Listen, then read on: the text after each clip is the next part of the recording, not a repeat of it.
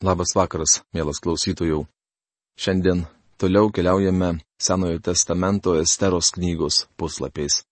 Šiandien šią knygą mes ir užbaigsime nagrinėti. Noriu priminti, kad praėjusioje laidoje pradėjome nagrinėti aštuntąjį skyrių ir išnagrinėjome pirmasias dvylika eilučių.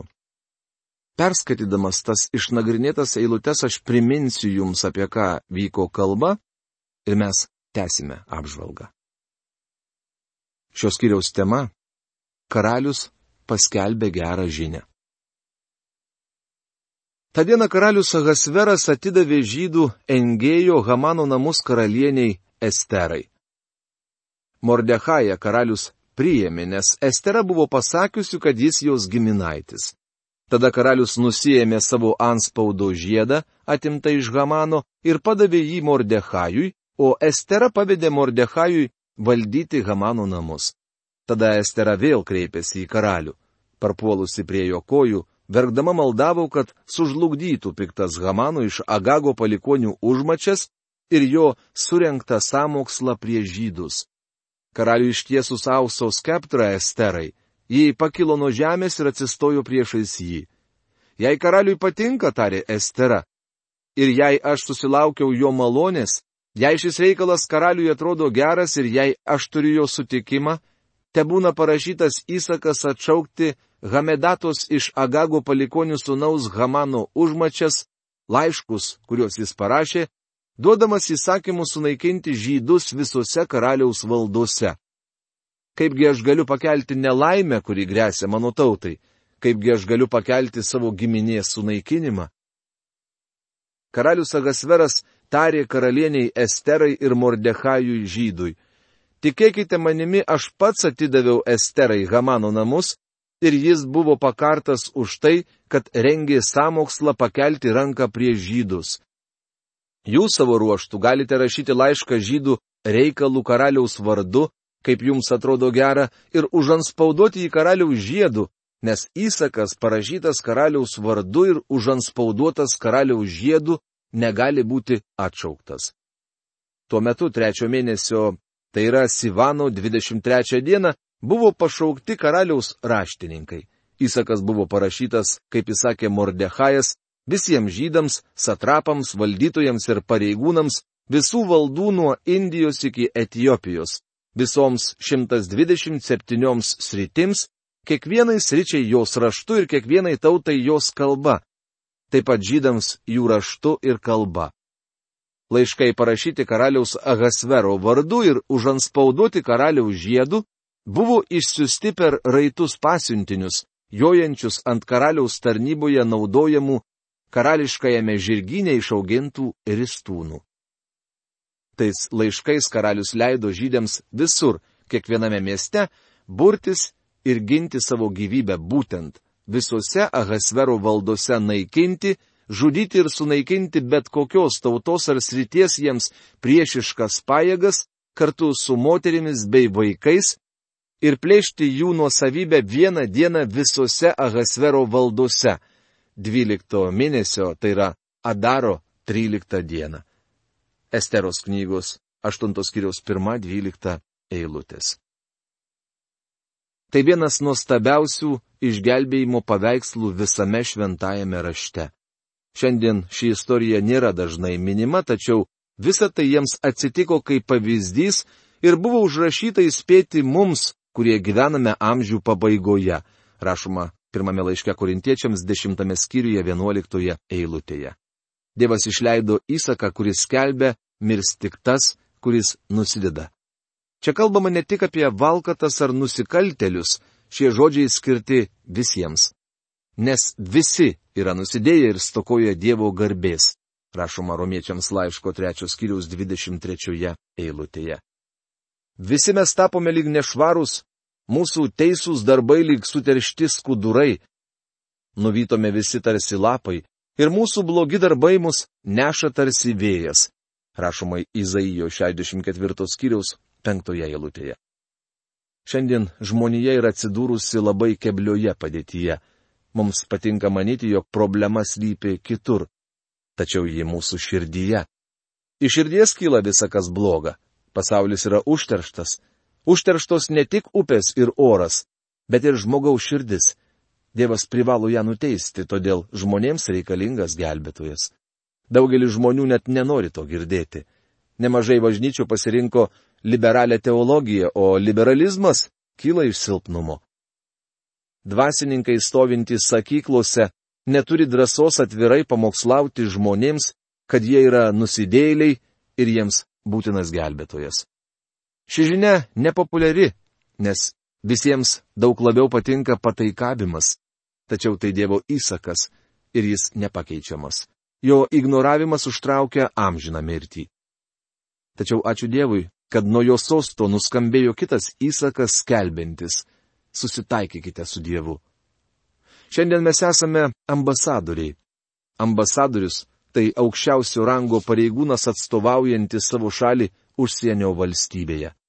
Tam, kad susitaikytumėte su Dievu, jums nieko nereikia daryti.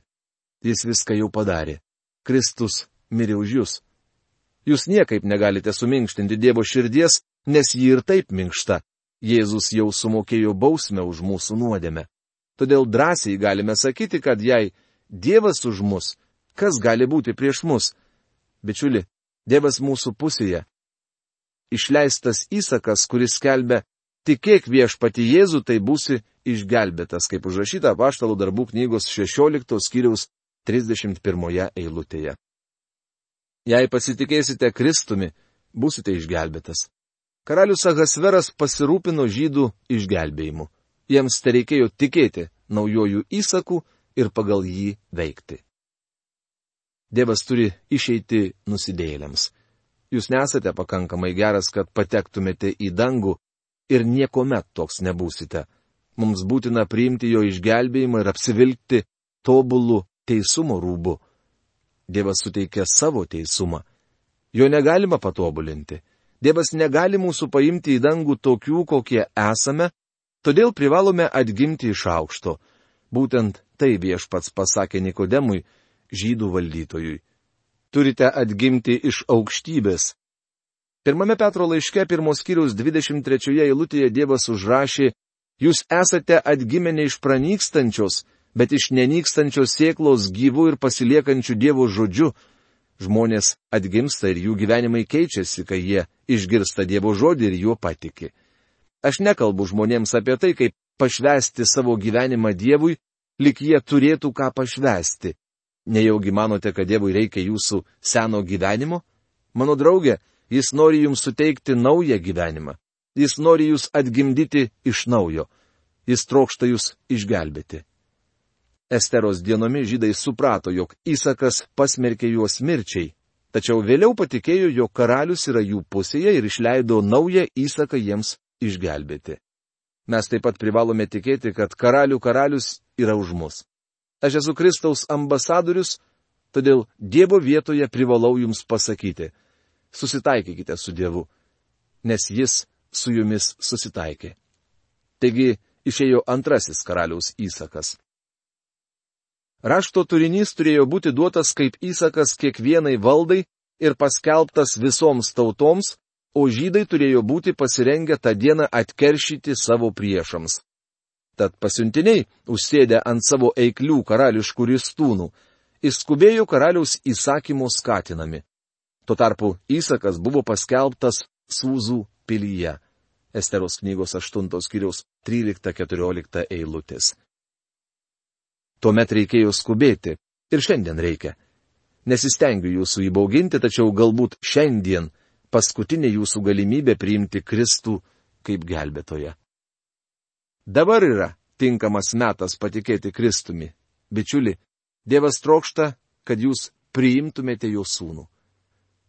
Mordechajas išėjo iš karaliaus rūmų, vilkėdamas karališkų mėlynos ir baltos spalvos apdaru, su puikiu aukso vainiku ir plonos drobės bei violetinės Vilnos skraiste. Sūzų mieste aidėjo džiugų šauksmai. Esteros knygos 8 skyrius 15 eilutė. Karališkas apdaras, kurį dėvi Mordechajas, gerokai skiriasi nuo pelenais apibarstytos ašutinės, kurią dar visai neseniai jis vilkėjo. Jo pasirodymas mieste sukėlė daug džiaugsmo. Atkreipkite dėmesį, kaip skiriasi abu minėtieji įsakai. Hamanui įsakas atnešė sielvartą, o karaliaus - džiaugsmą. Išgelbėjimas į jūsų gyvenimą atneš tikrą džiaugsmą. Žinoma, galite nueiti į naktinį klubą, išleisti šimtą dolerių ir aš užtikrinu, jog gerai praleisite laiką. Jei esate neišgelbėtas žmogus, jūs puikiai pasilinksminsite žiūrėdami programą, nusigersite ir prikimšit pilvą. Jūs šauniai praleisite naktį, bet ryte jausitės labai prastai. Jums bus bloga, o jūs taip ir nesužinojote, kas yra tikrasis džiaugsmas. Jį patirti galite tik atėję pas Kristų. Žydai patyrė šviesą ir malonumą, džiaugsmą ir pagarbą. Esteros knygos 8 skyriaus 16 eilutė. Dievas siūlo jums šviesą. Jėzus yra pasaulio šviesa. Taip pat jis malonumas, džiaugsmas ir pasaulio garbė. Jis yra Dievas, apreikštas kūne, kuris mirė už jūs. Tai pakelia nusidėjėlius iš purvo. O kaip mums reikia džiaugtis. Mielas krikščionė, ar šiandien jūs nuoširdžiai džiaugiatės? Jei nesate kupinas džiaugsmo, ateikite pas Kristų. Visose valdose ir visose miestuose, kuriuos tik pasiekdavo karaliaus įsakymas ir įsakas, žydams buvo linksmybė ir džiaugsmas, puota ir poilsio diena. Be to, daug krašto gyventojų dėjusi esą žydai, nes juos buvo apėmusi žydų baimė. Esteros knygos 8 skyriaus 17 eilutė. Dėl žydų baimės daug žmonių priėmė jų religiją. Izraelio tauta buvo geresnis liudytojas pasauliui nei mums atrodo. Esteros knyga 9-10 skyriai. Tema - Purimų šventės įsteigimas. Netrukus turėjo išaušti žydų sunaikinimo diena.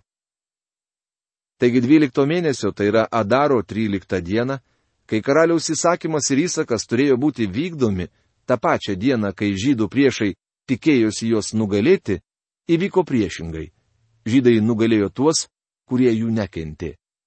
Visose karaliaus Ahasvero valdose žydai susibūrė savo miestuose, rengdamiesi pulti norėjusius jiems padaryti žalos.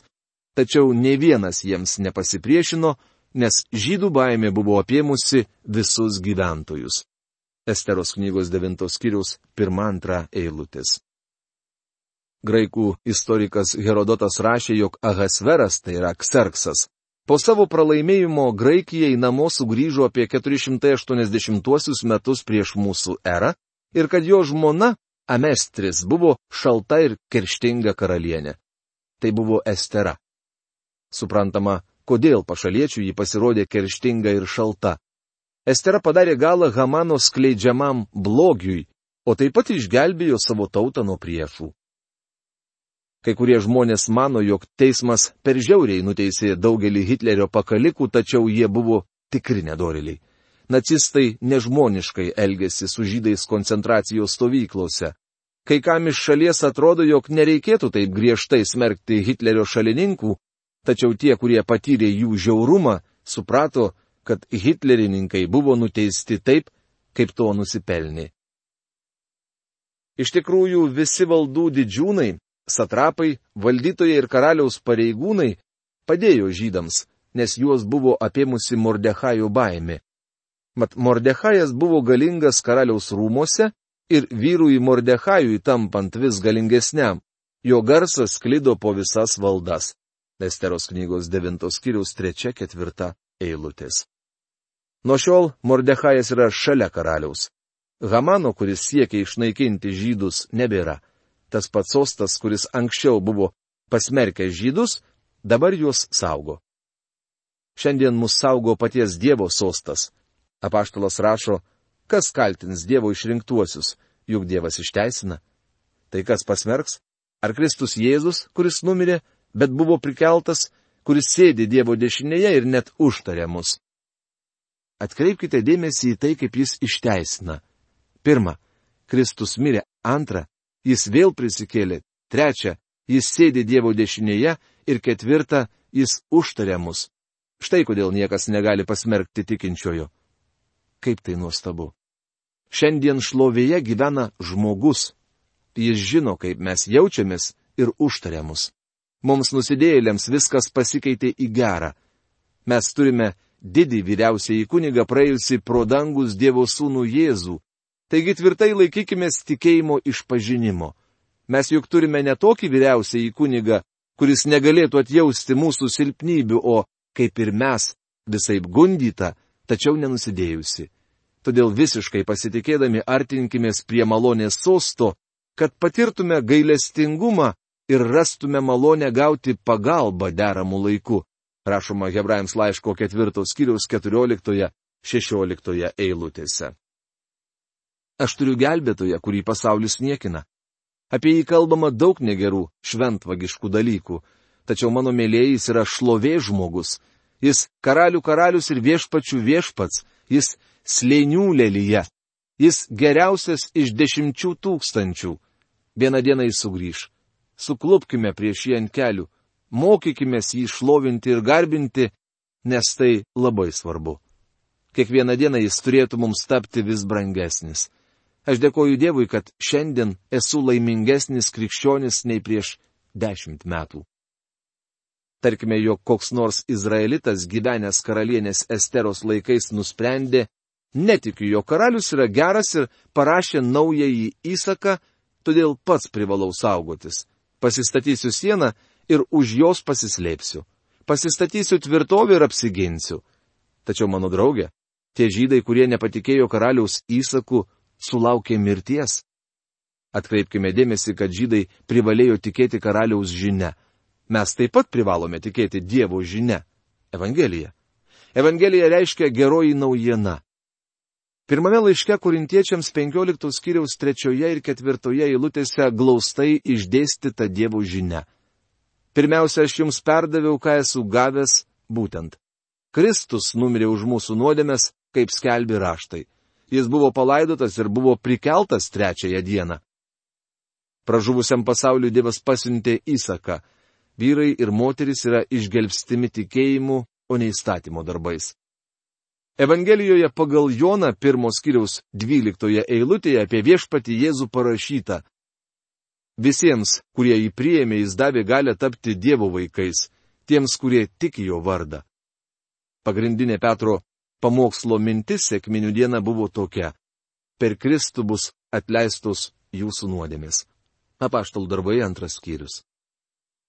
Šiandien žmonės gelbsti Evangeliją. Tai nėra Dievo prašymas, kad jūs arba aš ką nors padarytumėt. Priešingai. Evangelija yra tai, ką Dievas dėl mūsų padarė. Jei netikėsime ir nepasitikėsime Kristumi, mums nebeliks jokios vilties.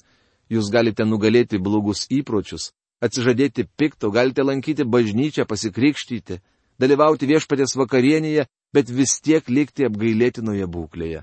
Vienintelis kelias įgyti tikrąją ramybę - patikėti Dievo žodžiu ir jo žinia. Išgelbėjimas ateina per tikėjimą.